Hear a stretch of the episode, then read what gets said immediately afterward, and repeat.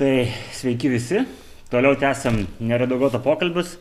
Ir kaip matom šiandien, kaip matot, šiandien turim neįlinį svečią, buvusi premjerą, dabartinį Seimo narį ir greičiausiai būsim valstiečių vadovą Seime, Saulis Karnelį.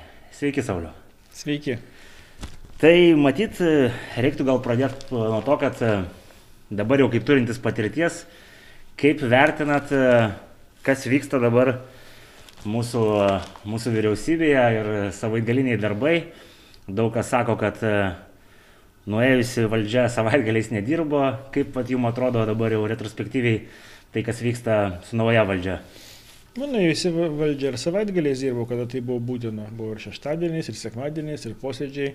Bet jie buvo daromi tuomet, kada tai būtina daryti ir kada yra pasiruošiama ir kokybiškai daromi. Tai tas sekmadieninis savaitgalinis darbas naujos vyriausybės parodė, kad na, jie dar nėra pasiruošę darbuotis net ir tokių svarbių klausimų, turbūt vienu iš svarbiausių klausimų, kalbant apie karantino sąlygų pakeitimą, jie nesugebėjo teisėtai nutarimų priimti. Tai yra priiminė teisėtą nutarimą, nežinant elementarių įstatymų reikalavimų ir teko pirmadienį apsimesti, kad čia dėl tęsiamos procedūros, bet iš esmės buvo priimtas kitas nutarimas sekmadieninis nutarimas buvo neteisėtas. Tai labai gaila, kad taip daroma. Ir aišku, kas dar blogai, tai tam tikrą chaosą įneša. Sekmadienį buvo vieni ribojimai, pirmadienį patapo kiti ribojimai.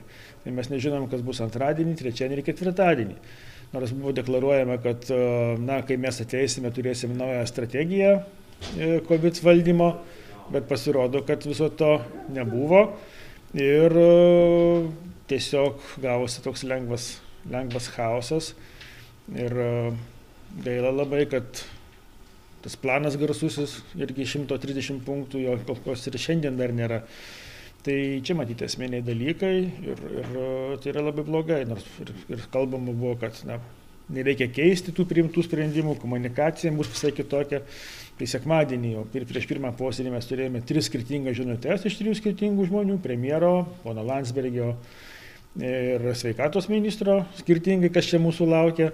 Po to vėlgi skirtingi komentarai yra ir, ir sakau, kaip pakeitimas net paros nepraegzistavo. Tai žmonėm, kada šiaip iš principo šiuo metu visi yra pervargę ar tų ribojimų sunku laikytis. Nes jeigu laikytumėsi tų ribojimų, kurie buvo įvesti lapkričio ketvirtą dieną, tai šiandien situacija būtų visiškai kitokia. Bet žmonės dėja nusprendė, kad pavasarį, kada laikėsi, tai buvo na, griežta tvarka, dabar laisvė, demokratija ir nu, ką noriu tą darau. Tai netgi ir darant tos kitus griežtesnius nurodymus, tiesiog neįgyvendinus senų, tai sunku tikėtis, kad bus sėkmė ir jau labiau, kad juos kaitaliojant. Tai kol kas lengvas chaosas, nors tam tikrai buvo laiko pasiruošti pakankamai ilgai. Seimas jau pradėjęs dirbti irgi lapkričio mėnesį ir vyriausybė, aišku, startavo, bet iki to laiko reikėjo ruoštis. Tai pasigirsta, aišku, spaudoji tas naratyvas, ta žinutė siunčiama, kad viso šito nebūtų buvę, jeigu valstiečiai būtų vasarą ir rudenį dirbę. Tai vat, dabar turim progos jūsų paklausti, kaip jūs manote, ar, ar tai čia du klausimai būtų. Vienas klausimas, ar mes tikrai esame kažkokia anomalija Europoje, tai pagal statistiką mes Tas mes esame tarp pirmaujančių Europoje, bet visos Europos valstybės e, turi antrą ar trečią, ar kaip mes ją pavadinsim, bangą. Tai viena klausimo dalis būtų, ar mes čia kažkokia anomalija, nes taip yra piešiama spaudoje. Nu, o kita, žodžiu, yra dalis, bet pats minėjot, kad e, buvo prieštaringos žinutės. Tai kodėl mūsų visuomenė nesugebėjo nuo vasaros klausyti, žodžiu, rekomendacijų, tas mes laikytis karantino, kur čia tos priežastys. Nes panašu, kad pačioj pradžioj, e, kai tik buvo pirmas karantinas įvestas, e, gal žmonės bijojo, gal dar kažkas, bet daug maž laikėsi. Iš tikrųjų, mes nesame anomalija. Visos valstybės esame panašioje situacijoje. Visos. Tai sakyti, kad vasarą nedirbo, tai yra visiška demagogija. Visos, kas reikalinga, na, pasiruošti galimai antrai bangai, kas susijęs su logistika, būtinom priemonėm, reagentais, apsaugos priemonėm, visko yra, nieko netrūksta. Tiesiog e, žmonių elgesį paveikti vasarą. Matyt, būtų sunku tikėtis tą padaryti, kadangi iš tikrųjų vasarą skaičiai kitokie buvo, žmonės po to pirmo karantino buvo pervargę ir jie na, nesuprato, kodėl turėtų būti vėlgi tas griežtas ribojimas, jeigu situacija pasikeitus, o na taip yra ir nekeitėsi, plus pavasaris buvo, apskritai kalbant apie virusus, geresnė situacija negu žiema yra. Tai jeigu tokia logika vadovantis, tai niekas nedirbo, nei Vokietijos kanclerė su savo vyriausybė nedirbo, nedirbo nei Lenkija, nei, nei Čekija, nei ta pati Ispanija, Junktiniai karalystė visą kitą. Tai yra kvailystės tokios, tokios demagogijos uh, skleidimas. Bet kodėl mes protrukis įvyko taip, tai padarė nemažai įtaką rinkimai. Prisiminkime net ir po, po tą patį vasarą, pavasarį, rudenį, rudenį paimkime. Taigi vyriausybė neliepė Vilniaus merui, sakykime, organizuoti sostinės dienas, po to tautų mūgę, po to Vingio parke didžiulį masinį renginį su ferverka susijusi ir panašių, panašių, panašių dalykų. Prisiminkime, kaip jie na, iki paskutinės minutės kalbėjo, kad nieko uždarinėti nereikia, kalbant apie naktinius klubus, barus. Tai žmonės tiesiog girdėjo pozicijos tuometinės politikų pasakymus, kad čia nieko nereikia, mes dabar virusą pažįstame, nereikia jo bijoti, reikia kitaip jį žiūrėti. Ir tas toks pojūtis, kuris pasireiškia ir balsavime, rinkimų metu, visi buvo kalama propagandos, tos kalama keturis metus, kad valstiečių vyriausybė kažką draudžia, draudžia, draudžia visą laiką. Tai tas toks pojūtis, kad dabar štai atėjo laisvės pojūtis ir mes turim rezultatą. Niekas nepasikeitė. Teisinis reglamentavimas iš esmės, jeigu žiūrėtume lapkričio ketvirtos dienos nutarimą ir kovo mėnesio nutarimą, jis yra iš esmės tas pats. Tada mes aišku nežinojome, mažai žinome apie virusą. Tai buvo daugiau tų suvaržymų, sakykime, tos pačios kirpyklos buvo uždarytos, smulkus verslas.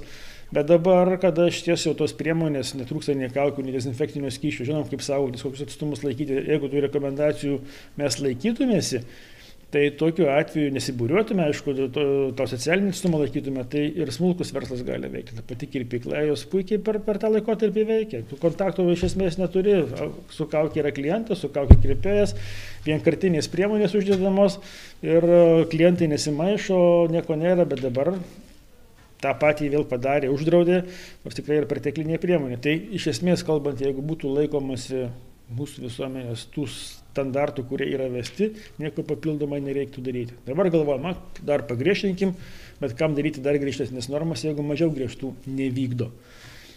Jo, tai čia va dar kaip tik prieš ateidamas šiandien dirstelėjau į Facebooką ir Facebook algoritmas e, kažkodėl man parodė patį pirmą, žinom kodėl, nes dažnai žvilgteliu matyti vieno žinomo influencerio ir turinčio televiziją žinutę, kur jisai gyrė Dulkį, kad jisai atvirai sako, kad trūksta, trūksta reagentų, asme trūksta kitų, trūksta, žodžiu, trūks vakcinų, nes jų per mažai už, užsakyta. Tai vat, kaip, kaip jums atrodo va, šitos priemonės? Na, kaip ten yra? Tų, tų vakcinų apskritai galėjo būti neužsakyta, nes jeigu tiesiog būtume vadovavęsi mūsų aukščiausių institucijų valdžios baime, kalbant nuo prezidentūros ir Seimo, kur atsakomybės visi nusikratė, reikėjo vyriausybė priimti sprendimą, tai apskritai tų vakcinų nebūtų buvę. Dabar yra Lietuva dalyvauja pasirašęs sutartis preliminarė su, su komisija dėl visų gamintojų potencialių ir išnekėti, kad trūksta vakcinų yra vėlgi demagogija visiška. Lietuva, kaip ir visos ES valstybės, pagal savo kvotą,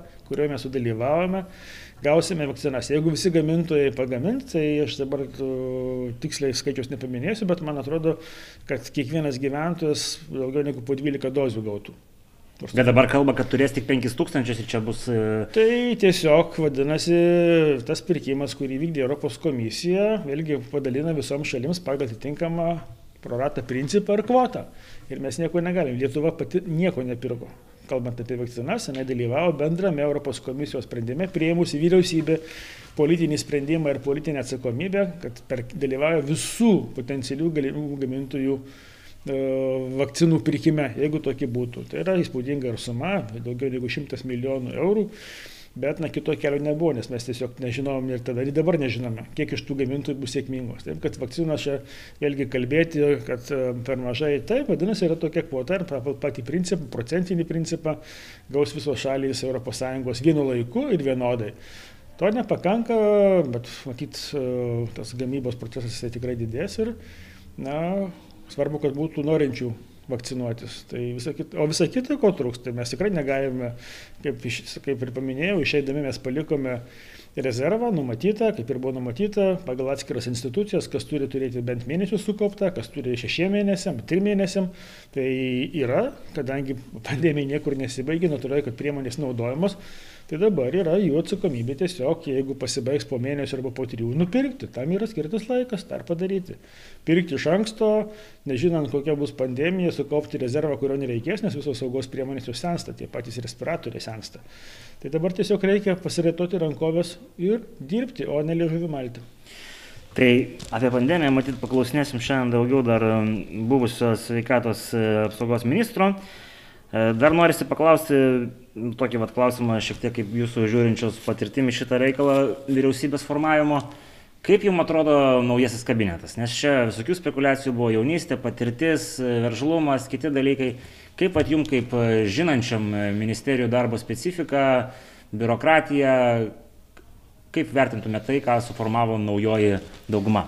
Na, matyt, be ministrės pirmininkės, kuri tikrai turi patirtį ir institucinę atmintį, nes prieš aštuonis metus buvo vyriausybės narė, nors per tuos aštuonis metus, aišku, pasikeitė labai daug kas, kardinaliai, kalbant apie vyriausybės darbo organizavimą.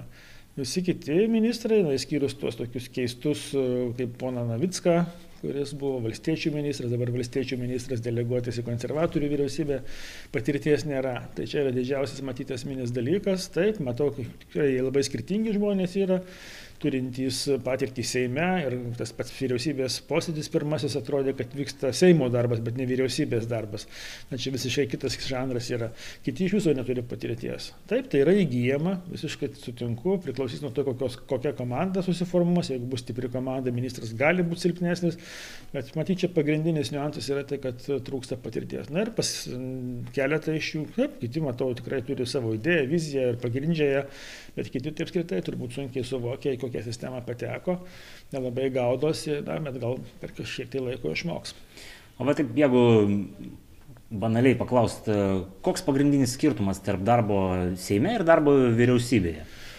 Na, Seime tiesiog yra toks lengvas žanras, yra diskusijos, nuomonių apsireiškimas, daugiau, sakykime, tokia kolektyvinė atsakomybė.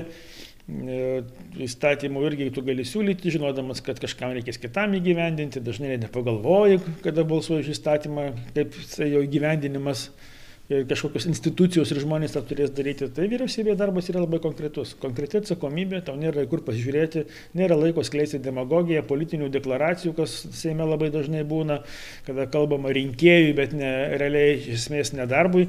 Tai vyriausybė yra visiškai kitaip. Tai yra sunkus, juodas, kasdieninis darbas.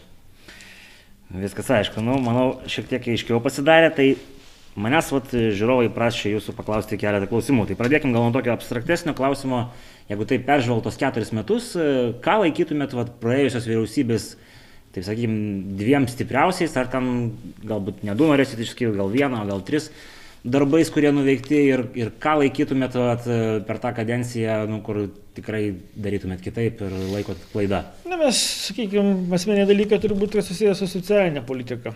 Socialinė politika, kalbant apie visą spektrą, nuo šeimų, nuo vaikų, nuo seniorų, E, tai tie darbai, kurie buvo padaryti ženklus ir tai jau rezultatai rodomi ir e, švieslentė ES ir e, įvairiausios agentūrų statistinių domenyse. Aišku, dar tie skaičiai bus geresni, kadangi mes dažnai dabar operuojame pusantrų arba dviejų metų senumo rodiklės. Tai įvertinus 19-20 metų rodiklius mes tikrai milžinišką šuolį padarėme. Tai labai svarbu. Taip pat svarbu buvo padaryti ir mokesčių reforma esminė, kur visgi mažas ir vidutinės pajamas dirbantys žmonės tikrai pajuto reformos esmę ir buvo tos tie pinigai nukreipti būtent į jų darbo užmokesčio didinimą. Lygiai tą patį galiu pasakyti apie visas socialinės grupės, kas viešojo sektoriaus, visiems atlyginimai kilo ir kilo kam nuo 20, kam iki 70 procentų. Esminiai dalykai iš tikrųjų, kalbant ir apie valstybės įmonės, ir kova su korupcija, su šešėliu, daugybė būtų galima vardinti. O iš tikrųjų, kur reikėtų daryti kitaip, tai sveikatos reformą. Iš ties mes paskendome Seime, metavo prezidentė tuo metinė ir čia nesurinkome ir tarp savų, sakykime, reikalingų žmonių skaičiaus, kuris darytų ir dabar rodo, kad jeigu mes tų žingsnius būtume padarę, tai tikrai situacija sveikatos sistemoje, kalbant apie sveikatos įstaigas, sveikatos priežiūros įstaigas būtų kitokia, ne dabar tokia, kokią mes turime. Pandemijos atvejus viską tai apnuogino. Ir aišku, švietimo srityje tikrai mes užsimoję buvom pakankamai stipriai, daug, bet reikia suprasti, kad tai ilgalaikis procesas ir mes norėjome greitai padaryti, bet tas greitai, na, dėja nepavyko. Tai kalbant tiek apie aukštąjį mokslą, mes tikrai ne viską padarėm, ką užsibrėžėm kalbant apie profesinį ugdymą, tikrai padaryti esminiai pokyčiai, pertvarka, pati filosofija. Ir matyt, sunkiausia tai yra bendrasis ugdymas, bet visgi visi pamatai padėti programų keitimui, e, mokyklų rengimo pokyčiams, tai, bet rezultatai jau bus dėja nebe mūsų. Tikrai taip, taip jau yra su to darbu, kad e, vieni sėja, kiti pjauna ir atvirkščiai. Bet tai- nieko, tai yra svarbu, kad tai būtų mūsų bendras rezultatas ir bendra sėkmė, Lietuvo sėkmė. E, kitas iš e, daugumą žiūrovų dominančių klausimų yra nacionalinio transliuotojo klausimas. E, valstiečiai, kai atėjo į valdžią, buvo įgarsinama, kad yra tam tikros problemos ir nepaslaptis, kad dalis visuomenės Lietuvoje galvoja, kad mūsų nacionalinis transliuotojas nėra jau toks nešališkas, kaip pagal, pagal apibrėžimą, sakykime, turėtų būti. Tai vat, klausimas čia galbūt būtų toks, kodėl nepavyko šitas uh, bandymas kažkaip tai sureguliuoti ir Visai neseniai matėm, kad nuo kitų metų kyla algos e, nacionaliniam transliuotoje, sakykime, tokiais nemažais kiekiais. E, kas čia per e, problema ir kodėl ją taip sunku spręsti? Na, sunku spręsti vien dėl tos pačios priežasties, kad vėlgi reikia turėti politinę valią, o šiuo atveju, kadangi jūs pat paminėjote, įstatymė labai aiškiai apibriešta na, nacionalinio transliuotojo principai, kokiais turi būti vadovavimas, objektyvumas, lygiai teisiškumas, nešališkumas na, tos pačios tribūnos suteikimas lygiai vertai mes viso to neturim, neturėjome, tai yra iš esmės vienos politinės partijos arba pakraipos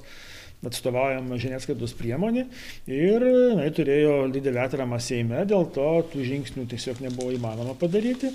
Kalbant dar apie tą garantuotą tau fiksuotą biudžetą, kuris tau nepriklauso nuo tavo darbo rezultatų, apie iškreiptą konkurenciją su komercinė žiniasklaida, kur visiškai nevienodos sąlygos yra, ir tos kosminius atlyginimus, ir pačią komplektacija, sakykime, vadovybės ir, ir kitų, sakykime, padalinių, tai natūralu, kad e, taip ir turėjo būti toks rezultatas. O kiek matom žmonės tame objektyvumą, tai turbūt gali patys pasižiūrėti, kaip buvo ir iki rinkimų, ir po naujos valdžios suformavimo. Turbūt labai galima iš esmės vadinti, tai yra vyriausybinis transliuotojas, turintis savo pirmąjį kanalą, antrą kanalą ir taip toliau. Kažkur tai irgi matyta.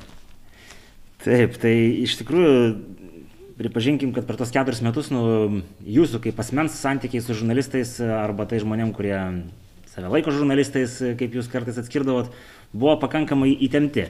Tai tikrai, jeigu nepaklausiu, sakys, kad esu tendencingas jūsų fanas, turiu paklausti, kaip ten taip susiklostė, kad ir buvo linksniuojama ta jūsų frazė, žodžiu, kad visuomenės teisė nėra absoliuti žinoti, E, kaip dabar žiūrint retrospektyviai, tas konfliktas subrendo ir ir ten buvo, taip sakoma, apribotos e, tyriamosios žurnalistikos galios. E, kaip dabar jūs tai žiūrit praėjusio kažkuriam laikui? Na, jis nebuvo, jis nesubrendus, buvo subrandintas labai tikslingai. Aš prisimenu tą patį garsų vyriausybės posėdį, kurį buvo atnešta nekokybiškas ir neteisėtas vyriausybės nutarimas, tuometinio susiekimo ministro parengtas, kuriam buvo prieš posėdį pasakyta ir prieš pasitarimą, kad turi būti jisai teisėtas, atitikti įstatymų reikalavimus. Na, negali vyriausybė pasakyti nutarimu, kad imkite duomenys nemokamai nors įstatymus numato kitaip. Bet tiesiog ar specialiai, dabar galvoju, kad specialiai tai buvo padaryta ir dar po to, na, tai, kas buvo tame pasitarime diskutuojama, tikrai buvo iškreiptai pateikta atskiriems žiniasklaidos atstovams, kurie teisingai pasipiktino, matydami, girdėdami iškreiptą informaciją. Nors buvo labai aiškiai pasakyta, kad taip, tai duomenys bus atverti, bet na, kol įstatymas nepakeistas, nemokamai negalima daryti to. Ir juo labiau, kad tai buvo visiškai netvarka, nes atskira žiniasklaidos grupės, atskiri žurnalistai gaudavo tos duomenys registrų centro, na, tokiu paprastuoju būdu, telefoniniu būdu. Tie duomenys kam buvo naudojami, nebuvo audituojami. Po to paaiškėjo tokio pono labai tyriamosios žurnalistikos aktyvaus veikėjo, pono Černiausko Asmeninė, asmeninė iniciatyvos asmeninės. Šeimininės e, šeimos reikia materialinę padėtį pagerinti, tai tie duomenys buvo ir tam naudojami, dėl to turėjo būti visa tvarka, prieš tą tvarką, aišku, na, pasipriešino dalis va, tokių, kurie galvoja tuos duomenys naudoti kitaip ir aišku visa bendruomenė, kadangi solidariai yra susivienijo, tai Bet pripažinkim, ne, ne, ne visi matyt naudoja tos duomenys kaip e, paminėtas e, Aš žurnalistas. Manau, maža dalis naudoja, Tai bet, bet reikėjo spręsti, kad tai būtų visgi numatyti įstatymai. Nemokamo nieko nebūna. Registrų centras tuos duomenys, kuriuos jis kaupia, analizuoja, atiduoda, e, sistemina, jis patiria irgi tam tikras išlaidas ir tos išlaidos turi būti kompensuojamos. Ir dėl to buvo ir pasakyta, kad suraskime mechanizmą, kas kompensuos, jeigu valstybė prisėima kompensuoti, tai tą galima padaryti, bet tai negali būti daroma na, kitų, sakykime, paslaugos gavėjų sąskaita, nes už tas paslaugas kažkas tai kitas turėjo būti apmokama. Bet dar čia nėra tam tikra demokratijos tokia fundamentali laisvė, kad nu, žurnalistai turi viešinti ir kiekvienai valdžiai matyti, kurie yra valdžioje, nepatinka, kai viską per daug viešina, bet e, kai esi opozicijoje, matyti tą dalyką jau kitaip žiūri. Ne, aš manau, čia ne, ne, nežiūrėčiau, kad viešinti. Taip, turi, turi tokią galimybę turėti, jie visą laiką turėjo, bet vieni už tai mokėjo pinigus. Kaip ne žurnalistai. numato, Mhm. mhm. nu, redakcijos, žurnalistai tame tarp irgi mokėjo, kiti tai gaudavo nemokamai. Pagal užklausą nusiųstą elektroniniu paštu viešųjų ryšių skyriui. Duokite man tą, tą. Visgi tai yra asmens duomenys daugumą susiję dalykai. Ir jie turi būti ir audituojami, ir duodami tada, ir gali būti ir nemokamai, bet kaip minėjau, turi būti numatytas biudžete kompensavimas, kas tas išlaidas kompensuoja. O ta frazė, kuri yra pami- paminėta, tai yra citata iš Konstitucinio teismo sprendimo. Ir na, tikrai dabar nublanksta prieš Seimo pirmininkės pasakytą frazę šiam dienom, kad asmens laisvė nėra absoliuti. Jo, tai kontekste. Liberalų Kon- sąjūdžio pirmininkės, liberalios Seimo pirmininkės, e, iš esmės pačio na, svarbiausio liberalų partijos asmens, kad, kad, kad, kad e, laisvė nėra absoliuti. Bet va dabar, jeigu taip dar e, pabaigiant šitą temą, jeigu būtumėte iškart paviešinę, matyt, būtų tas gaisras užgesęs ir būtų buvę mažiau pasiekmių. Na, matot, nebuvo iš esmės ką viešinti, kadangi e, pasitarimai tuo metu nebuvo transliuojami, jie buvo daromas garso įrašas protokolui, kuris surašomas yra ir ten jisai nėra, nėra ir nuosekliai. Vieni kalbėjo su jungtis mikrofonais, kiti be jungtų mikrofonų. Na, tai yra posėdis. Tai yra, atsiprašau, ne posėdis, bet pasitarimas. Po to mes priėmėm sprendimą ir įstatymų tai yra įtvirtinta, kad visi ir posėdžiai, ir pasitarimai turi būti transliuojami, bet iki to laiko nebuvo, tai nebuvo ką ir duoti. Tai dar prie žurnalistų klausimų matyti irgi supiktų žiūrovų, jeigu nepaklausčiau, matyt žinot, kad vienas iš e, praėjusių metų ir, man atrodo, užpraeitų bestsellerių labiausiai parduodamų knygų buvo apie jūs. Ar teko su to, su to knygoje su pateikta informacija kažkiek susipažinti? Na, tik tai prabėgom, tiesiog nebuvo nei noro, nei laiko paskaityti, tą padarė teisininkai, bet pagal tai, ką aš mačiau, tai yra sudėta tų vadinamų tyrimų medžiaga, kur ten, na, tikrai prasilenkia ne tik tai su tiesa, bet su elementaria logika. Žmonės, kurie ten paminėti, dauguma iš jų neturintys nieko bendro, jokių sąsajų, kai kurių, kai kurių iš jų net nesu ir matęs, arba matęs bendruose renginiuose vieną, du kartus, tai na, palikime, aš kaip jau minėjau ir vertinau, tai tokia yra daugiau matyti belecistinio žanro knyga, o kada bus laiko, aš ją be abejo tikrai paskaitysiu, nes na, yra tam tikras ir teisiniai dalykai. Tai vad būtent aš apie tai norėjau paklausti, kad jeigu tenais buvo pateiktas šmeištas, tai galbūt e, reikėtų duoti suprasti žmonėm, kad prieš rašant e, kažkokius dalykus jie turi būti verifikuoti. Na, tai tiesiog e, reikia pasižiūrėti, bet teisininkai, kurie žiūrėjo ir, ir tą knygą vartė, tai, na, kaip e, su, su knyga parašyta daugiau ant žurnalistų arba autorių emocijų, kaip jie jautė vieną ar kitą situaciją. Tai supraskime, jausmas kiekvieno mūsų yra individualus ir tai nėra teisinė sąmonė. O dėl žmonių pasižiūrėsim tiesiog, aš tikrai nededu taško, tai nėra senaties ir kažkada tai matyti prie tos temos bus galima grįžti. Viskas aišku. Tai dabar norisi tiek paklausti apie Lenkiją. Nepaslaptis, kad e, šitie pastarėjai keturi metai e, buvo tam tikras proveržis santykiuose su Lenkija ir e, kaip jūs vertinat, ar mes nenusileidom kažkokiuose strateginėse žingsniuose jiem per daug, ar galbūt kažko nepadarėm, ar, ar iš jų pusės yra toks pat atsinešimas į, į, į mūsų valstybę.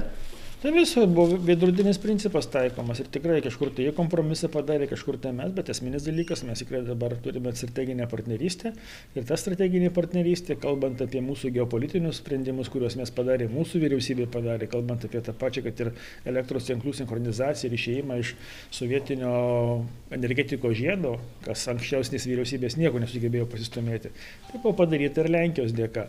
Lygiai taip pat ir tie infrastruktūriniai projektai, sakykime, dujų jungtis irgi be Lenkijos Baltijos nieko čia nebūtų.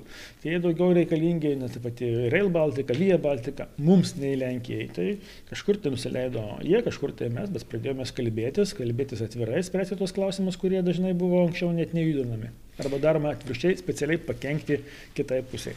Tai va čia reiktų matyti paklausti, kaip galvojat, nes dabartinių valdančiųjų retorika yra šiek tiek kitokia.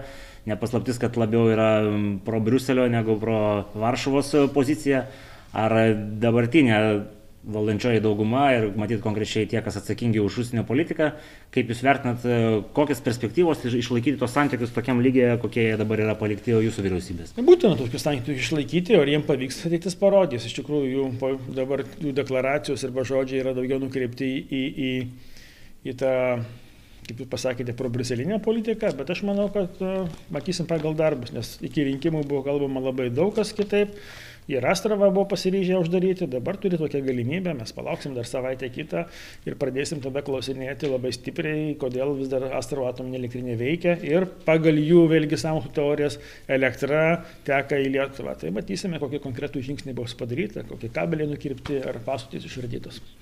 Tai apie Lenkiją matyti reikia paklausti dar vieno esminio dalyko, kuris tęsiasi nuo mūsų nepriklausomybės, čia matyt pačiai pabaigai asmenvardžių rašyba ir ne viena vyriausybė, įskaitant ir ką tik baigusiu darbus, neišsprendė šitos problemos ir vat, tie, kurie mėgsta pateikti tai kaip tam tikrą sąmokslo teoriją, sako, kad tai yra tam tikras ginklas Lenkų rinkimų akcijos rankose, kol jos problemos neišsprendžia, nuolat gali ją afišuoti kad tai yra problema ir kažkas mums trukdo. Vat kaip jums atrodo, kas, kas sutrukdė šitą reikalą? Jeigu matot, kad tai nefišuoja tos problemos, iš tikrųjų viską puikiai supranta, kur yra kokie kompromisai galimi pasiekti, kaip sako, kodėl nebuvo spręsti dėl to, kad nebuvo politinės valios Seime, nes reikia Seimo sprendimo, bet klausimas yra iš tikrųjų sprendžiamas ir sprendžiasi teisiniu būdu, tai yra daugybė teismo procesų yra, kur, na, dėja, aišku, tai tenka apgailestauti, kad žmonės tą kelią turi praeiti, bet uh, teismo nutartis yra ne viena, jau kur tiesiog įpareigoja migracijos e, padalinius išduoti dokumentus ir asmenvardžius rašyti tokią kalbą, taip kaip žmogus iš tikrųjų tuos asmenvardžius gavo. Tai manau, kad šitas procesas ilgesnis, bet jis yra teisinės irgi. Tai va čia pabaigai tada klausimas, e, artimiausi jūsų kaip politiko darbai ir kad, kur dedikuosit savo energiją ir kokie tikslai? Na, tai yra opozicijos darbas, o kaip mums seksis ir kokie tikslai yra, iš tikrųjų tikslas pagrindinis yra konstruktyviai oponuoti, padėti valdantiesiems, jeigu jie nori, aišku, kažkur tai. Ir paprasčiausias, matyti esminis dalykas, žiūrėti, kad valdžia, vyriausybė, Seime dauguma nepiknaudžiautų ir atstovautų, tinkamai atstovautų ir vykdytų savo tos įsipareigojimus, kuriuos deklaravo rinkimų metu ir prieš rinkėjus juos įvykdytų. Tai dėkui Jums už skirtą laiką, tikiuosi pavyks e, būti tai konstruktyviai opozicijai geriau negu prieš tai buvusiai ir tikiuosi pakalbėsim kaip su opozicijos lyderiu jau kitais metais. Gali būti, ačiū Jums. Viso. Tai sveiki dar kartą visi, toliau tęsiam šios dienos e, tokį, sakykime, išplėstinį epizodą su, matyt, dviem įtakingiausiais e, vyriausybės buvusio kabineto nariais ir dabar kalbinam visiems gerai žinoma Aurelijų Verygą. Tai sveiki Aurelijau. Sveiki. Tai pradžioj reikia paklausti, matyt, kaip jaučiatės e, būdamas Seimo nariu. Labai gerai, nes aš taip ir nelabai galėjau pajaust, ką reiškia būti Seimo nariu per tuos praėjusius keturis metus, nes tikrai buvo labai labai intensyvus darbas vyriausybei. Tai Seime aš būdavau toks epizodinis svečias, tai tik pratinosi prie, prie tos būsenos. Jo, tai dar matyti iš tokių komiškų klausimų, šitas irgi matyti buvo biškiai iš tos komedijos pusės. Žmonės sako, kaip, kaip būti tokiu chill, kai ant tavęs tiek daug visko pila, kokias naudojat priemonės, kad išliktumėt e, ramus ir su šypsena. Nenaudoju jokių priemonių. Iš tikrųjų, tai visokių čia teorijų sklanda apie mane, kodėl aš toks esu, kad aš gal kokius vaistus vartoju, ar, ar, ar rūkau, gal ką nors tyliai pasislėpęs tai nei vaistus vartoju, nei rūkau. Gal trupučiuką man mano profesija padeda, šiek tiek. Bet tikrai nėra pas mane viskas taip ramu, kaip iš išorės atrodo. Tai aš irgi gyvas žmogus esu ir jaučiu, ir man neramu būna, ir, ir sudėtinga. Tik tiek, kad stengiuosi neleisti mano oponentą manęs išprovokuoti, nes aš manau, kad jie džiaugtųsi labai. Kartais pavykdavo jam, tai jie tada su pasimėgavimu žiūrėdavo, kaip aš prarandu kantrybę. Čia kurie tie momentai, kai jūs ją praradote? Tai būdavo Seime tokių epizodų, kada šokdavau prie šoninio mikrofono, ką nors pasakyti. Tai. Supratau. Nu tai tada pabandykim e, tą rimtesnę temą iškart pasiimti. Visi sako, kad uh, nu, visi, kai sakau, visi sako, tai žiniasklaida mainstreaminė, pavadinkim ją taip, ir nauja valdančioji dauguma, sako, kad jeigu Veryga būtų dirbęs, dabar neturėtume tokios situacijos, e, kaip turim. Klausiau tą pačią ir buvusio premjero, kad, e, nu, toks šiek tiek keistas teiginys, turint omeny, kad visoje Europoje yra kažkelinta banga, ten matyt skirtingai priklauso nuo valstybių. Tai aišku, Lietuvos skaičiai yra dramatiški, mes ten pirmaujam, kur matyt nesinorėtų pirmauti. Kaip pat jūs vertinat, kodėl mes turim tokią situaciją? Yra ta nuomonė, kad galbūt dėl to nesusikalbėjimo tarp pozicijos ir opozicijos visuomenė gavo dviprasmišką žinutę. Mhm. Ar tai galėtų būti kažkokia priežastis, ar galbūt yra kažkokių kitų priežasčių, kurių mes neidentifikuojam dar? Labai sudėtingas klausimas ir, ir vieną tokią labai paprastą atsakymą matyt, kad mes nerasim ir vargu ar jie apskritai kas nors ras, kad ir kaip ieškotų, nes čia daug įvairiausių fenomenų persidengia ir, ir psichologija žmonių, ir, ir politiniai tam tikri dalykai, niuansai. Aš galvoju, kad labai, labai du tokie baisus dalykai sutapo, nu, kabutėse vienas tikrai baisus, kitas santykinai baisus, tai pandemija ir rinkimai. Ir tas tikrai nepadėjo pačios pandemijos valdyti, todėl kad, kaip jūs teisingai ir sako, tos žinutės buvo labai prieštaringos. Kas yra baisiausia, kad tie, kuriem dabar reikia su situacija tvarkytis, man tai toks vaizdas susidaro, kad jie netikėtai laimėjo rinkimus, jiem patiem netikėtai, nes panašu, kad netikėjo, kad jos laimės. Ir kitas dalykas, kas dar paaiškėjo, kad jie blefavo visą tą laiką, kalbėdami, kad jie turi kažkokį planą. 130. Tikrų, tai nesvarbu, ar 130, ar, ar 2, ar 3 žingsnių paaiškėjo, kad jokio plano nėra. Net ir posėdžiai buvo tokie labai chaotiški, bandant rasti kažkokius sprendimus. Iš esmės paskui jau pradedant kalbėti, kad darom taip, kaip darė pavasarį. Nors iš tikrųjų visą vasarą, na, tai buvusioji vyriausybė buvo kalama dėl įvairiausių dalykų. Aš daug kartų esu minėjęs ir sakęs, kur jam bus rimta bėda, jeigu jam reikės tvarkyti su pačia situacija. Tai pirmiausia, jie absoliučiai demotivavo darbuotojus, tuos, kurie dirba institucijose, valstybės tarnautojus, žmonės, kurie dirbo, jie vietoje ačiū sulaukė tyrimų, sulaukia persekiojimo, sulaukia nesibaigiančios kritikos, kad jūs ten kažką netaip pirkot, neten darėt, netaip mokėt e, ir panašiai, kad nereikėjo tiek drausti ir taip toliau. Žodžiu, vietoj to, kad žmonės sulauktų tam tikro palaikymo ir visuomenė būtų Nu, mes džiaugiamės šiaip pergalėm, ar ne? Jeigu mūsų kokia rinktinė krepšinio, pavyzdžiui, laimi kažką, tai nėragi taip, kad sakom, kad, nu, ne visai ten teisingai jūs mėtėt, buvo galima geriau, truputį gal iš kitos pusės, ar ten kažkokį derinį kitokį reikėjo padaryti, nekalam trenerių tada prie sienos, nesakom, kad dar geriau galėjot kažką persistengėt ar panašiai. Čia visą laiką buvo greunamas pasitikėjimas iš esmės valstybės struktūram. Buvo šnekama kiekvienai progai pasitaikius, kad jūs ten melavot tą, melavot tą, na, čia to nebuvo, taip nebuvo. Tai jūs įsivaizduokit, kaip turėtų visuomenė jaustis, aš bandau įsijausti šiaip eilinio žmogaus kailį ir pagalvot, kaip jisai dabar turėtų pasitikėti ar ne, kuom nors, kas yra sakoma viešumoje, ar skaičiais, ar, ar kažkokiam strategijom, kurias siūlo vyriausybė. Manau, kad to pasitikėjimo turėjo būti visai nelikė. Ir, ir dabar, man atrodo, kad tie žmonės, kuriem tenka su situacija valdytis, yra atsidūrę nu, tokioj situacijoje, kai patys išsikasė savo baisę duobę, dabar piktinasi, kad ten vandens prilijo labai daug ir jie kojom dugną nebesekė.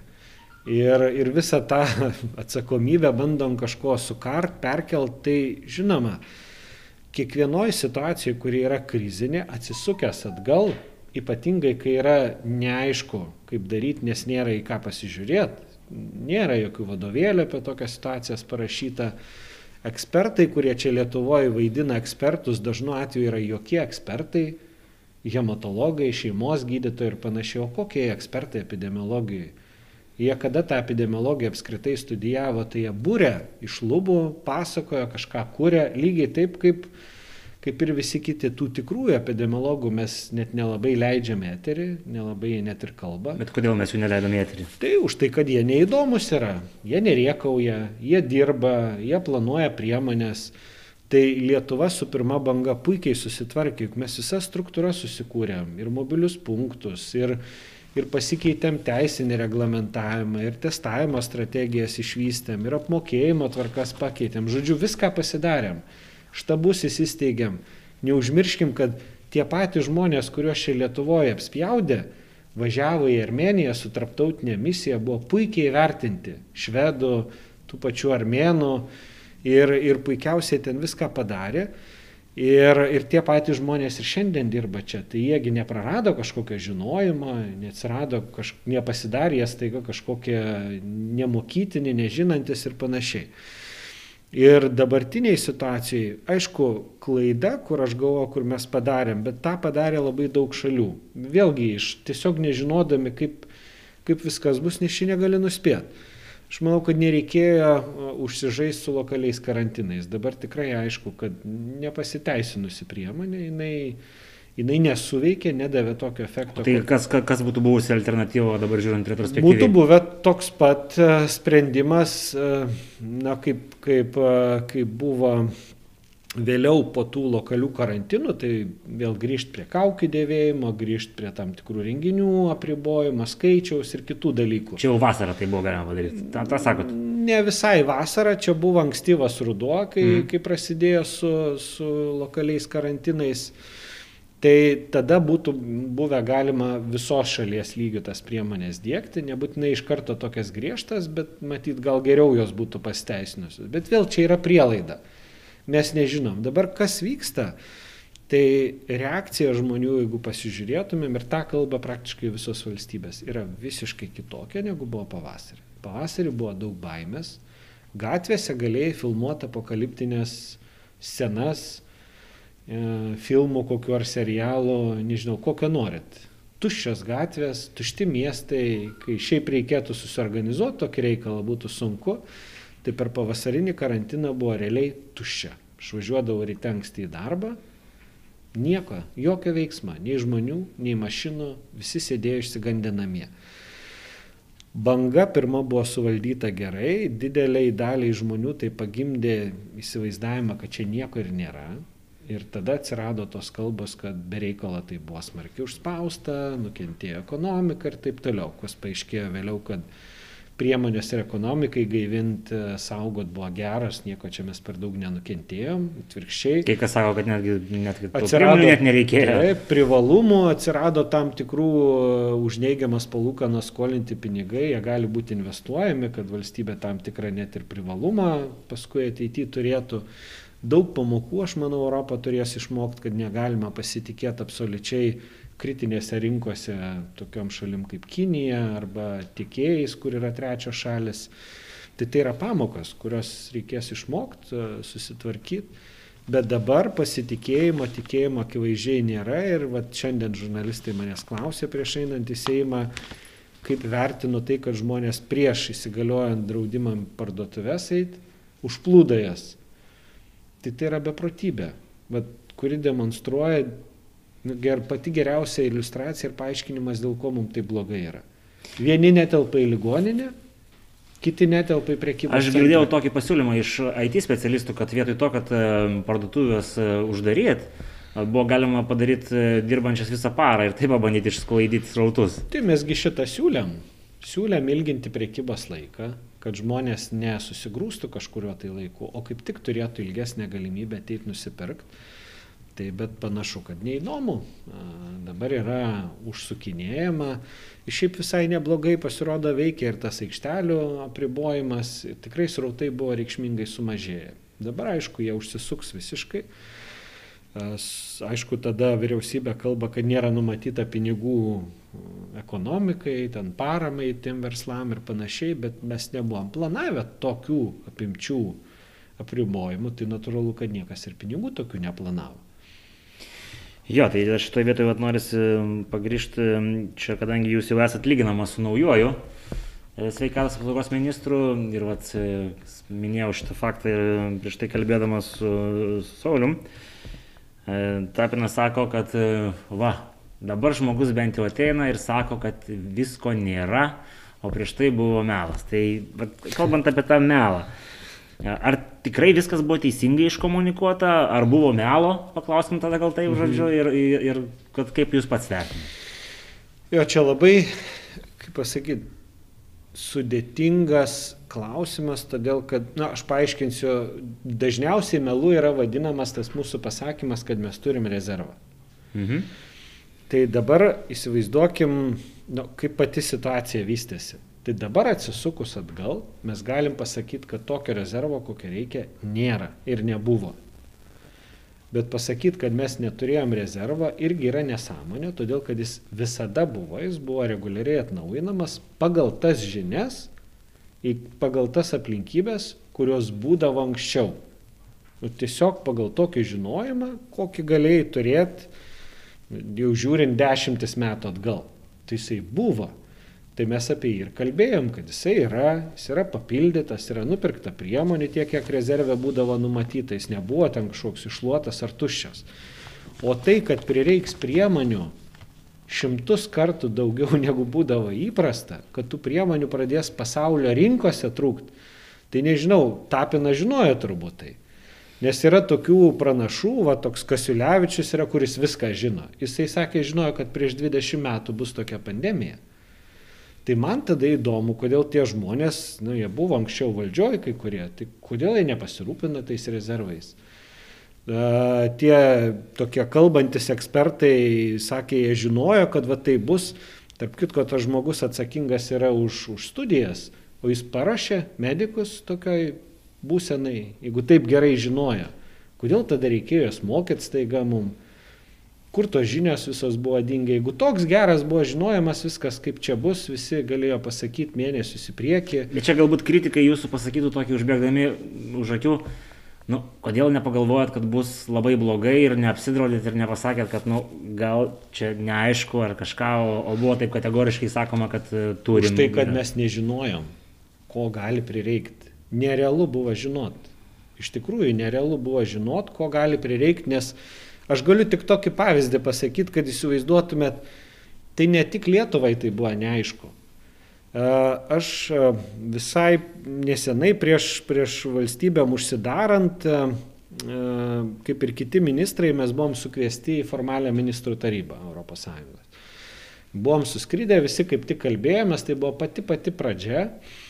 Buvo toks labai iliustratyvus pavyzdys. Vokiečiai pasiūlė keleiviam lėktuvų duoti pildyti formą, nu, keleivio kortelę. Apie tai, iš kur jie atskrenda, kad būtų galima atsekti ten kontaktus, turėto žmogaus kažkokius duomenys ir panašiai. Belgai tada užprotestavo, pasakė, kad tai yra perteklinė priemonė, kortelė užpildyti keleiviui, kad būtų galima atsekti užsikrėtusius. Tai va tokio lygio tada buvo supratimas. Tai ne tik Lietuvos, esmės, tai čia, čia tai aišku, kad ne visos Lietuvos, Europos. Niekas tai, negalvoja apie kitus. E, tai, o tu gali pasakyti kažką, lygiai kaip su kaukiam buvo, vat mano toks buvo sukamas pasisakymas. Jo, tai apie kaukės jau užbėgo už akių norėjau klausti. Tai, tai lygiai tas pats, aš tada, ką sakiau apie kaukės, tai buvo toks žinojimas, pasaulio sveikatos organizacija tą patį sakė, kad nėra įrodymų, nereikalinga, reikia geriau ten rankas plauti taip toliau. Tai aš sakiau tą, ką komentuodavo tarptautiniai ekspertai, buvo, kokios buvo žinios tuo metu. Tik vėliau atsirado žinios, įrodymai, straipsniai, kad jos vis tik veikia, jas reikia naudoti ir taip toliau.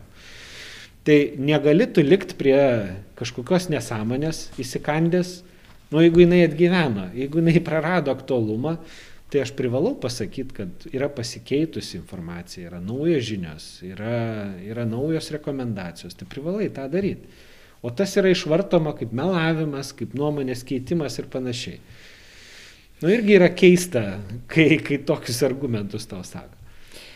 Tai dabar, va, tai dar jeigu žiūrint irgi retrospektyviai, ar jeigu būtų tie draudimai sugriežtinti, tarkim, nežinau, vasaros pabaigoje, rudens pradžioje, ar mes turėtume kitokią situaciją, ar visgi čia jau tas uh, mentalitetas žmonių atsipalaidavimo buvo tas vaidinantis uh, Nežinau, čia yra teorinis klausimas, lygiai kaip ir atsakymas būtų teorinis. Tai jo, tai mes jau ir turbūt, nuomonės yra. Turbūt, tikriausiai, nežinau, o neaišku, kaip žmonės būtų elgėsi, nes nuovargis buvo didžiulis ir spaudimas atlaisvinti priemonės buvo baisus. Ir, ir, ir atsimena tas diskusijas ir protestus, ten ir menininkai rengia piketus ir, ir protesto visokias ten rinko peticijas, kodėl mes uždaryti, kodėl tie atidaryti ir panašiai. Spaudimas buvo baisus. O dar viena vat, mintis papildant dėl to, dėl to rezervo turėjimo ar neturėjimo. Aš visą laiką sakau, jūs pabandykite įsivaizduoti, o kas būtų buvę, jeigu aš dar neprasidėjus pandemijai būčiau davęs pavedimą nupirkti kokius, pavyzdžiui, 2 milijonus respiratorių į valstybės rezervą. Ir jie ten būtų buvę. Ir ką tada su manim būtų padarę? Tai greičiausiai pasodinę. Nu arba bent jau minimum kelis kokius tyrimus pradėję. Man su galva gal negerai, ką aš čia išdarinėjau dabar, per kur respiratorių arba kažkokių priemonių, kurių gal prireiks kažkam. Tai, tai yra žaidi, žaidimas be pralaimėjimo. Atsisukus atgal, kaip sako liaudės, žinotum, kur griūsi, pasidėtum pagalbę, jeigu žinotum. Bet niekas nežinojo, kokia bus situacija. Niekas nežinojo, kas tai yra per virusas, niekas nežinojo, kaip jisai plis.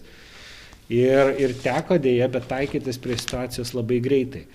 Tai man tai tokių juokingų epizodų buvo, kai nu, tikrai vyriausybė darė viską, kėlė lėktuvus, skraidinosi tas priemonės, naktim pirkom, derinom su ambasadom.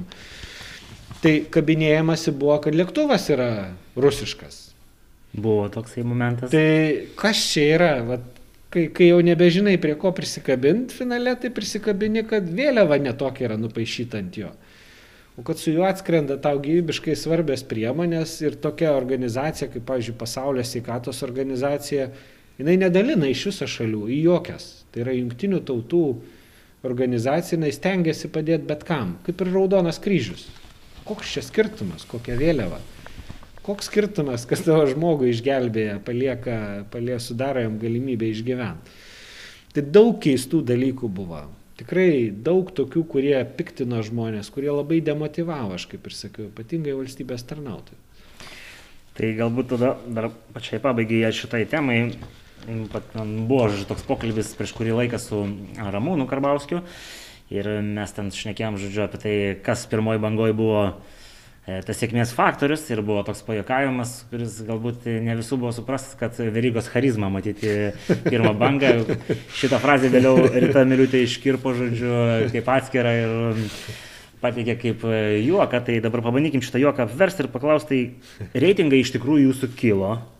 Matosi, kad ta charizma ir tas kažkoks jūsų viešasis įvaizdis, jis imponavo žmonėm. E, kaip taip nutiko, kad jisai kažkuriuo momentu pasikeitė.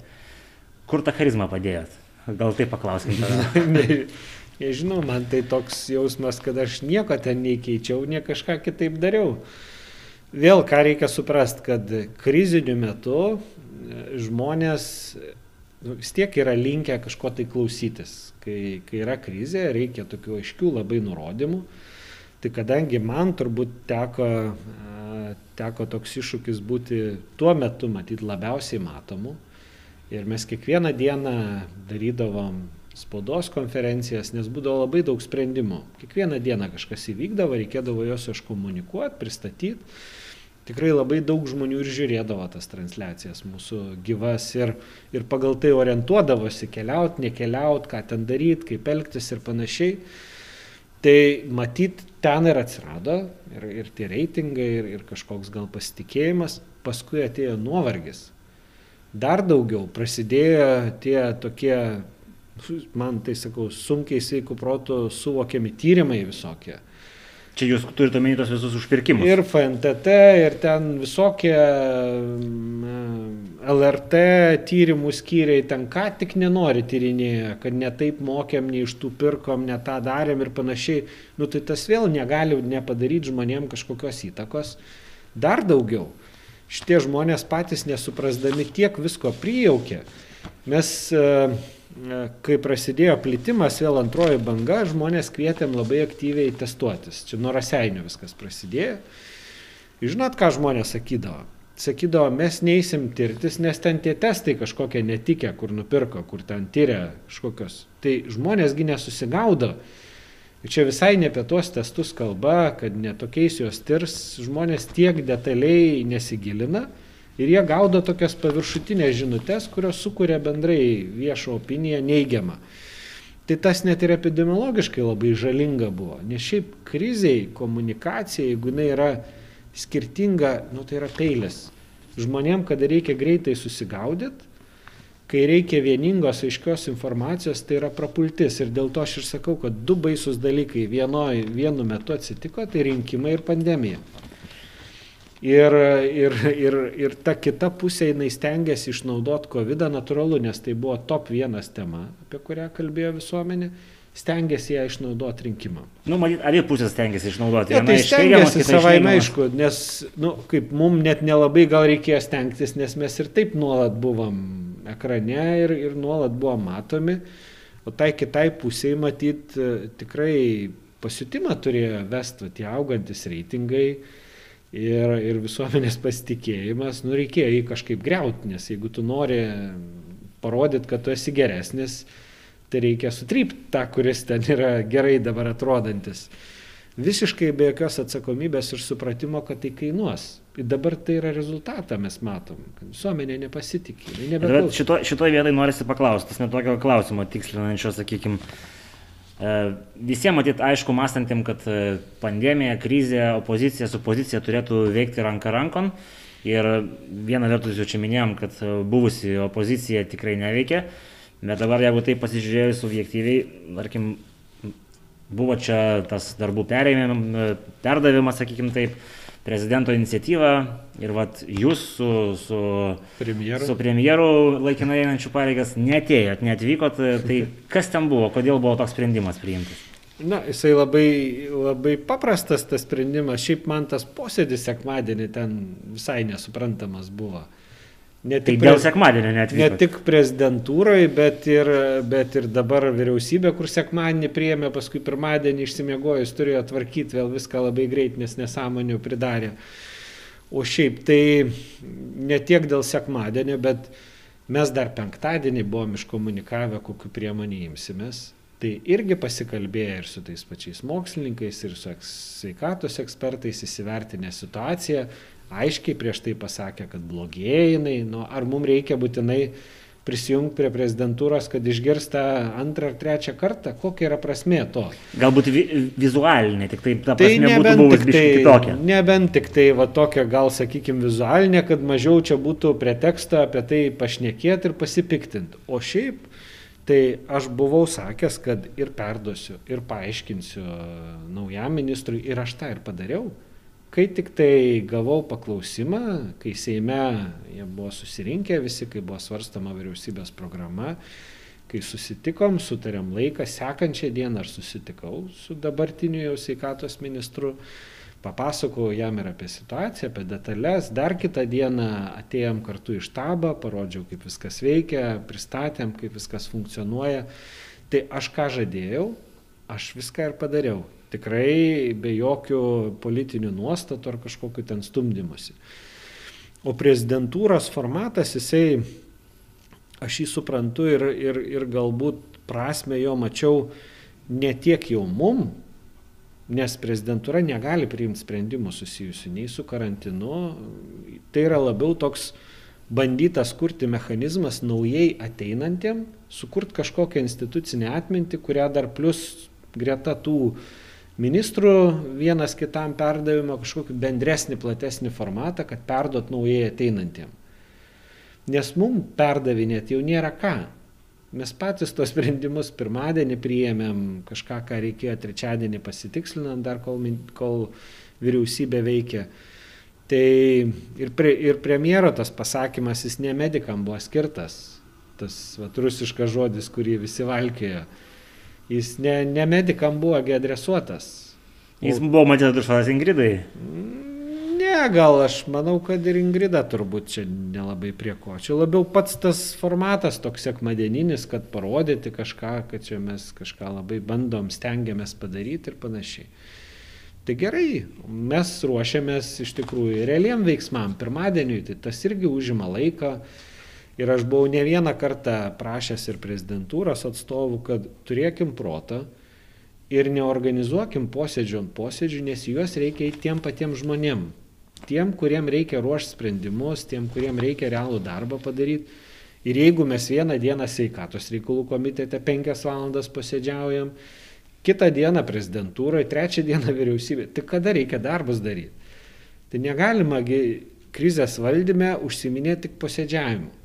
Bet aišku, kadangi žmonės nesueina į tą patį vieną formatą, nu jiem kiekvienam atrodo, kad čia reikia šnekėtis be proto. Ir toks vad sveikatos reikalų komiteto posėdis, kur penkias ar šešias valandas visi pasakojo savo problemas ir nesugeneravo ne vieno pasiūlymo, tai o kokia prasme? Nulis nu, pasiūlymų buvo iš jų. Prasme, matyt, buvo diskusija pati. Tai gerai, pabandykim tada paklausti, žodžiu, vis tiek esminis dalykas, matyt, buvo visa šita mūsų sveikatos apsaugos sistema ir jos pavaldumai ir kiti dalykai, kurie galbūt šiek tiek stabdė kai kurios dalykus. Taip. Tai vat mūsų žiūrovas klausia, kokius ilgalaikius sisteminius dalykus vat, per kadenciją jums pavyko sveikatos apsaugos sistemoje pakeisti. Nes mes žinom, kad ligoninės yra vienas pavaldžios centriniai, žodžiu, ministerijai, o kitos ten savivaldybėm. Tai ką va, pavyko sistemiškai pakeisti, ką, ką būtų galima pasižiūrėjus vat, retrospektyviai sakyti, kad vat, čia tikrai duos kažkokių mhm. vaisių. Mm. Nu, va šitą ir nepavyko pakeisti ir labai gaila, nes iš esmės vieno žmogaus dėka, buvusios prezidentės, kuri vetavo, o paskui jau pritruko tiesiog balsų ir, ir, ir galimybių. Ir labai gaila, nes nu, savotiškai čia tikrai negali prisimti nuopelnų ir sakyti, kad žinojom, kad tai bus, vat, ir kad prireiks. Tikrai nežinojom, dėl kitų priežasčių buvo siūloma tie sisteminiai sprendimai, bet jie būtų labai labai padėję per COVID. -ą. Va dabar matom diskusijas, kaip sudėtinga yra pasitelkti medikus. Jau tada šnekėjom, kad yra problemos regionuose su jų įdarbinimu, kad jie dirba per kelias įstaigas, kad sudėtinga yra juos ten pasitelkti, prisiviliuoti ir panašiai kad yra sveikatos netolygumai didžiuliai regionuose, skiriasi kartais, ne procentais, o kartais. Tai jeigu būtų tie sisteminiai sprendimai priimti, būtų buvę lengviau per COVID krizę. Nu, nebuvo, ką padarys, reikėjo ieškoti tokių laikinų klasterius formuoti, tokius funkcinius labiau vienetus ir, ir kitų visokiausių sprendimų ieškoti. Dabar ką pavyko padaryti? Tai tikrai keletas tokių dalykų, kurie, aš sakyčiau, yra sistema keičiantis dalykai, kuriuos pavyko. Vienas iš tokių, tai daugybę metų diskutuotas ir galų gale priimtas mūsų, tai yra žalos be kalties įstatymas.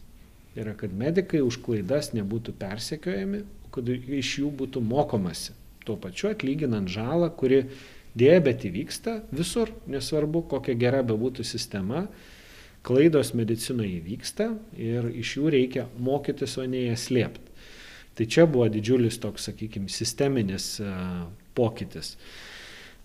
Kitas svarbus toks dalykas, kuris irgi daug metų buvo diskutuotas, bet nepadarytas, tai buvo netradicinės ir alternatyvios medicinos įteisinimas. Tai yra teisinio pagrindo sukūrimas tam, kad na, vis tik tai atsirastų kažkoks reguliavimas, reglamentavimas, kad mes galėtumėm nu, tapti tikrai civilizuotą šalim, kur nebebūtų ten burtų išdaigų arba bent jau jų nebūtų galima vadinti sveikatos kažkokią paslaugą.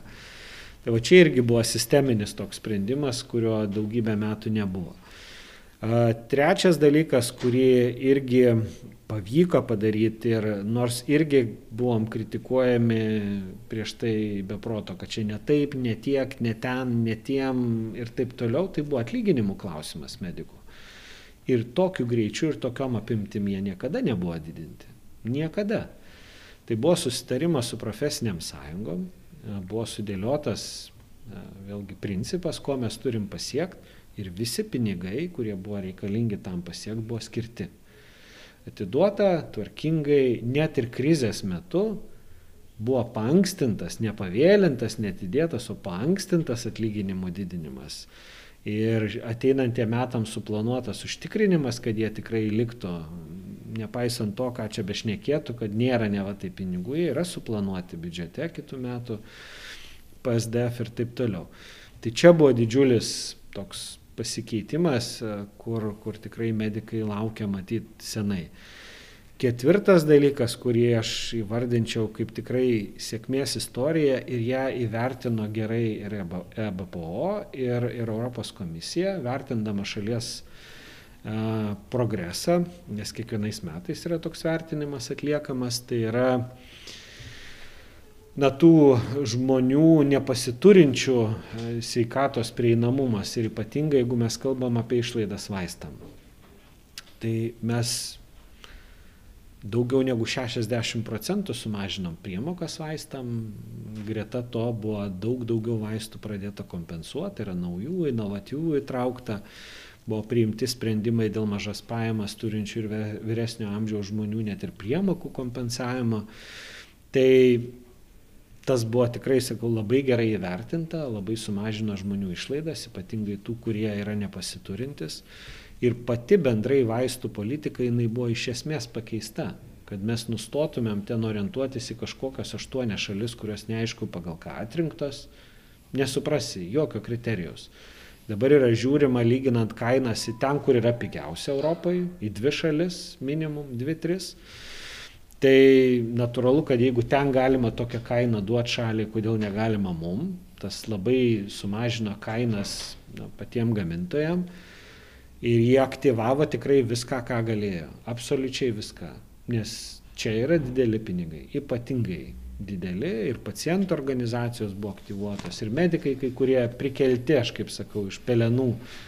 Nes tokie jau šimtas metų pamiršti naunėjimai visokie kaip kalibatas, kuris nežinau, kada iš vis gydytojo yra bedirbęs, kurio visuomenė, nežinau, apskritai nebežinoja niekur. Staiga buvo iš kažkur iškasti prikelti, tapo ekspertais visais klausimais ir panašiai.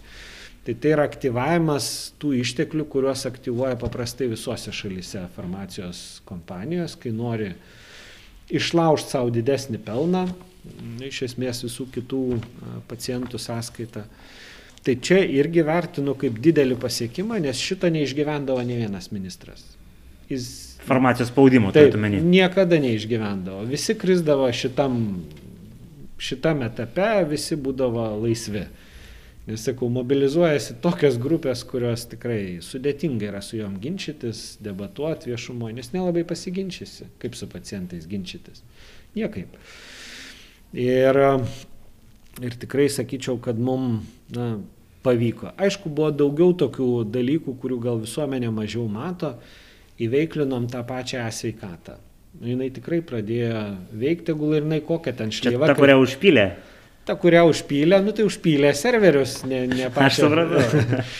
Ne, nedinga jinai nuo to, jinai niekur nepražuvo, bet e, per COVID 99 procentai receptinių kompensuojamų vaistų buvo išrašyti per esveikatą. Bet ir šitoje vietoje noriu paklausti to tokio E, provokuojančio klausimo. Ar dabar vat, lygiai taip pat komunikuotumėt e, tą serverių užpilimo reikalą, kaip, kaip tada komunikavot?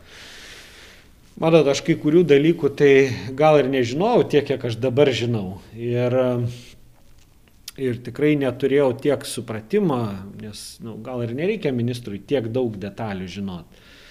E, bet tikrai nežinojau, kad nėra, na vėlgi, sakau, aš nesu IT koks nors specialistas ir ir mano pirma baimė buvo tai kad mes praradom gal kažkokias ten ir kopijas ir panašiai neaišku ką ten užpylė tai kopijos jos tvarkingai yra daromos bet problema yra ne kopijose nes tai yra tokie dideli duomenų kiekiai kad juos užkrauti kitą serverį atnaujintą kažkokią ar naują yra labai užtrunka labai ilgą laiką Bet originalus laikyti Rusiją buvo stiprus kažkieno sprendimas. Bet ten, žinokit, man yra tekę būti tam Rusijai. Aš galvoju, kad ten baisiausiam sapne niekas nebūtų net pagalvojęs, kad taip gali atsitikti.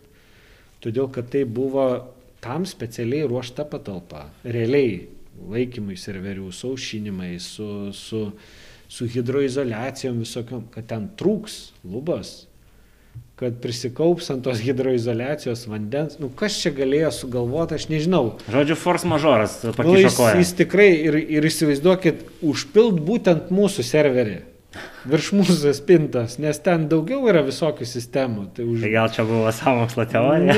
Ne, nemanau, nu tiesiog taip sutapo tikrai labai nedėkingai, labai blogai. Nu bet tai ką dabar? Tai dabar visi, aš manau, tikrai yra ir, ir kitaip motivuoti ir supranta, kad reikia turėti ne tik tai kopijas duomenų sistemos, bet reikia atsarginę sistemą turėti. Realiai kažkur- veikiančią, taip. kažkur kitur. Tai va dabar tas supratimas yra toks, gal jis kažkieno galvoje ir anksčiau buvo, bet ne, nebuvo tokio žinojimo, nebuvo realios grėsmės.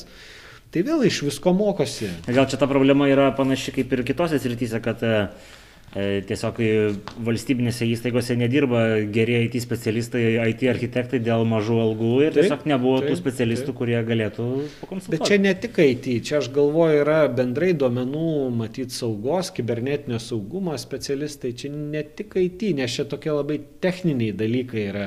Na, Čia taip, ne- taip, inžinieriai tam tikri. Čia žodžiu. nereikia tech, to, to pačio tokio, sakykime, grinojo IT išmanimo. Čia labiau reikia saugumo, inžinerinio išmanimo, žinojimo, kur saugu, nesaugu laikyti duomenis, kaip užtikrinti jų saugumą. E, Bet šitie, žinokit, yra dar, jų dar mažiau negu IT, kadangi aš kažkada teko man dirbti IT įmoniai dideliai, tai realiai IT specialistų yra, bet tų, kurie, tarkim, stato duomenų centrą arba žino, kas kaip, yra vienas. Tai, Taip. tai realiai Tai teisus jūs tikrai esate sakydamas, kad neturime daug tokių žmonių, kurie galėtų tą padaryti.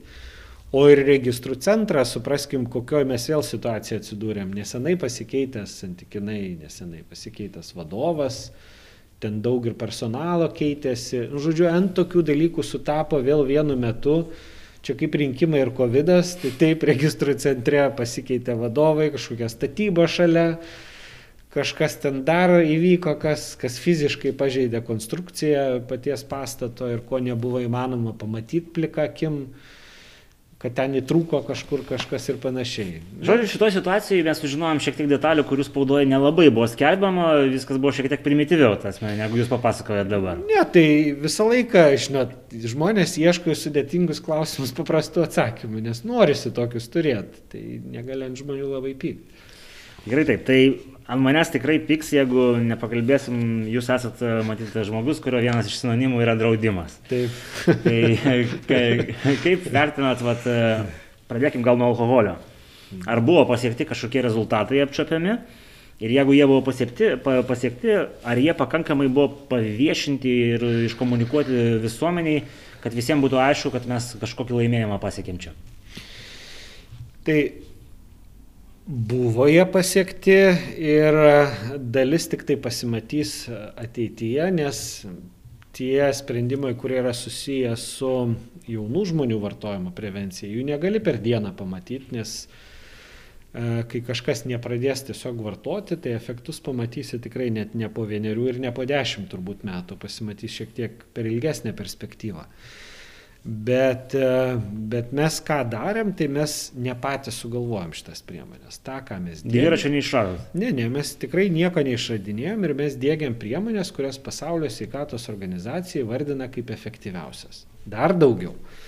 Visas šitas priemonės mes labai skaidriai deklaravom savo rinkimų programai. Aš esu vieną tokį turėjęs priekaištą iš žmogaus sustikime kažkur su gyventojai, sakė, nu, jūs čia gal ir neblogai dirbat, bet aš ten už jūs balsavau, dabar nusivyliau, nes jūs draudžia ten labai, vat, kaip sako, draudimai. Sakau, bet ponė, mesgi žadėjom tą daryti. Tai buvo mūsų vienas iš pagrindinių pažadų, rinkiminių, programos sudėdamųjų dalių. Ašgi nuolat tą sakiau susitikimuose ir panašiai. A, nu jo, sako, bet mes negalvom, kad iš tikrųjų taip ir bus. Tai čia vėl yra tam tikras, e, toks, tam tikra iliustracija, kaip žmonės žiūri į politikus. Ir, ir galvoja, kad tu ten gali pažadus. ką nori. Ir jeigu tu juos įgyveni, aš labiausiai buvo kritikuojamas už dalykus, kuriuos aš žadėjau daryti ir dariau. Tai man atrodo, tai yra mažų mažiausia nesažininga. O šiaip, tai, na, jeigu aš darau tą, ką žadėjau, aš manau, kad aš teisingai darau, nes aš gavau mandatą tam.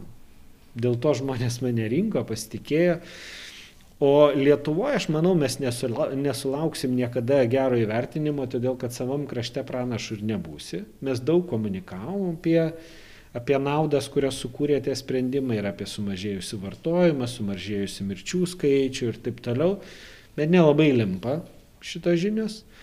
Bet Lietuva ypatingai gerai vertina tarptautinės organizacijos. Mes esam pavyzdys kitom šalim. Aš su labai daug ministrų, kai kalbėdavau, jie labai baltai pavydė Lietuvai iš tų sprendimų, nes juos priimti yra labai sudėtinga. Tai vad jeigu taip iliustratyviai, tai kiek mes pasistumėjom, nes kažkada aš prisimenu, netaip seniai mes buvom pirmaujantis pagal dėktinę suvartojimą Europoje, man atrodo, ar netgi plačiau.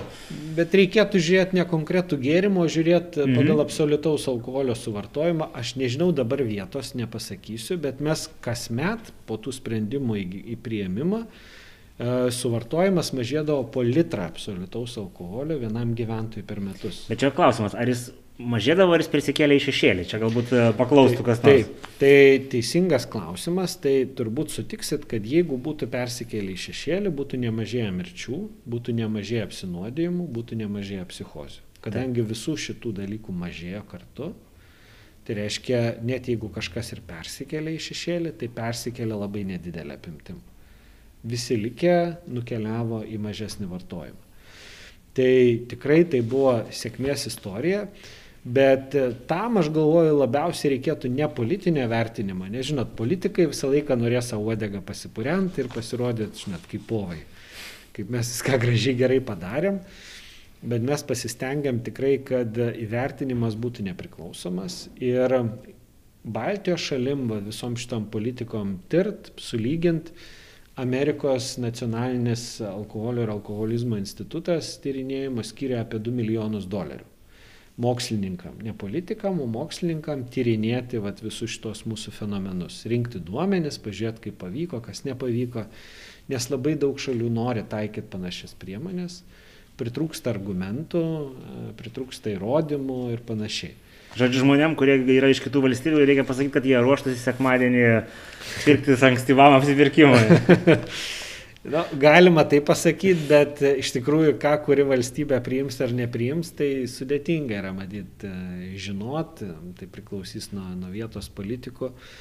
Bet šiaip, kaip ir sakiau, tikrai su kuo man tekdavo bendrauti, tai sveikatos ministrai mums labai pavydėdavo tų sprendimų, nes visigi žino, ką reikia padaryti. Problema yra, kaip padaryti.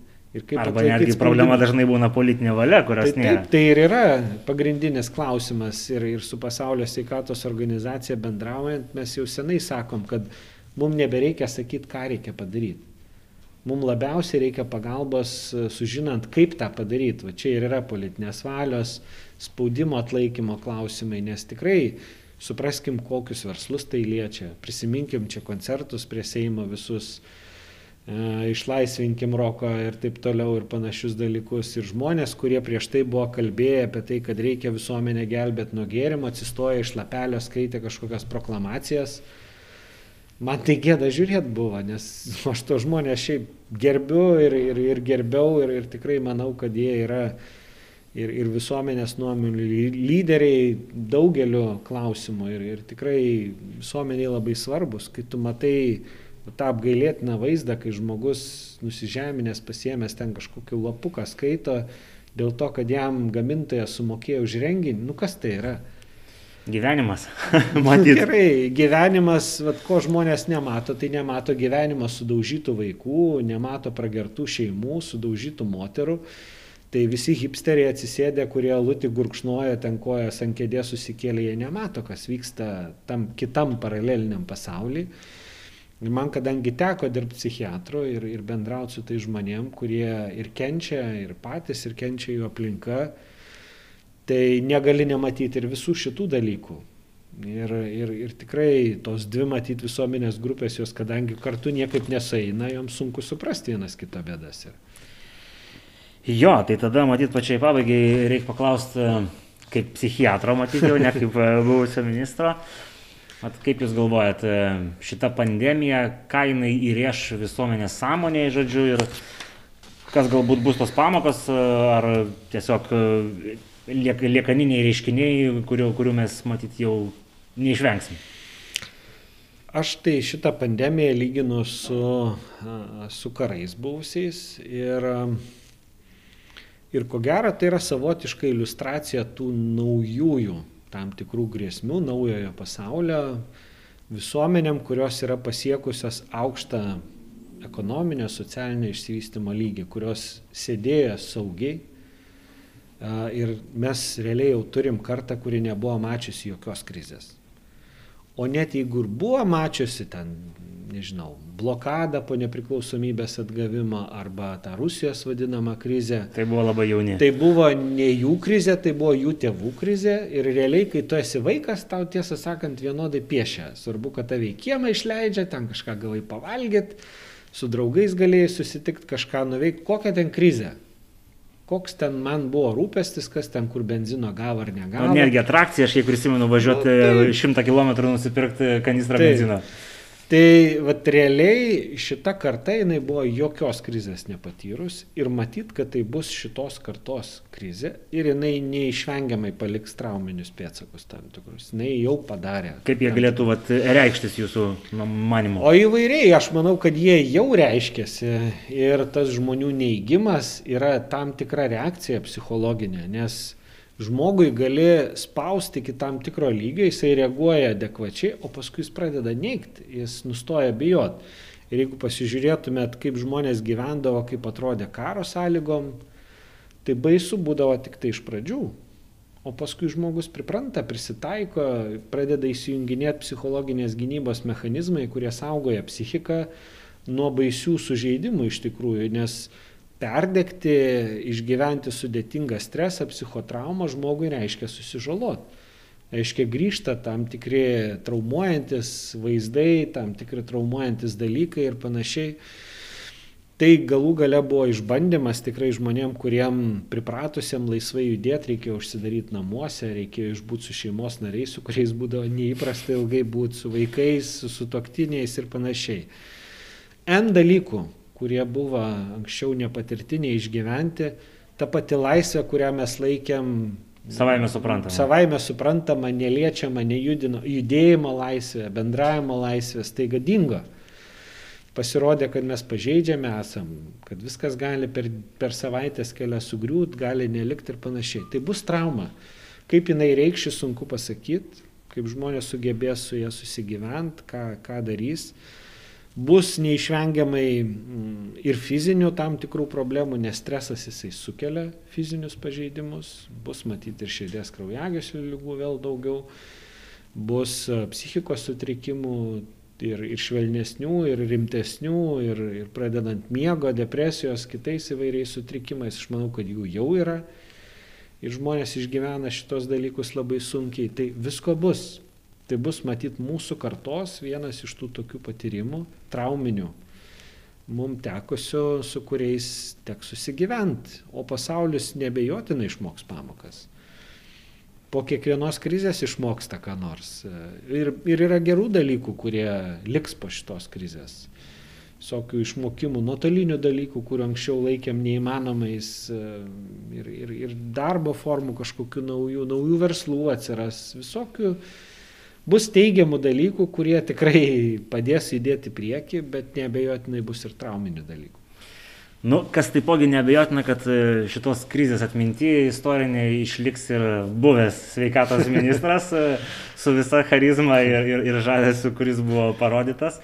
Tai ką, tai reikia padėkoti matyti už skirtą laiką, tikrai buvo įdomu išgirsti atsakymus, ne tik man matyti, bet ir žiūrovom, kurių galbūt ne visų jūsų ne visos žiniasklaidos priemonės e, klausia ir tikiuosi, kad e, būsit tas šešėlinis sveikatos apsaugos ministras, apie kurį čia kalba jūsų partijos e, vadovas, nu, ir turėsim progą pasišnekėti apie tai, kaip sekasi naujai esančiam ministrui po kurio laiko ir įvertinti pasiekimus. Tai dėkui. Ačiū ir jums. Tai ačiū visiems, kurie ištvėrė šitą tokį prailgintą epizodą. Nepamirškit, kad mes turim iš ankstinės narystės, turim Patreoną ir jeigu norit, kad mes tobulėtume, prisidėkit. Ir iki kitų kartų.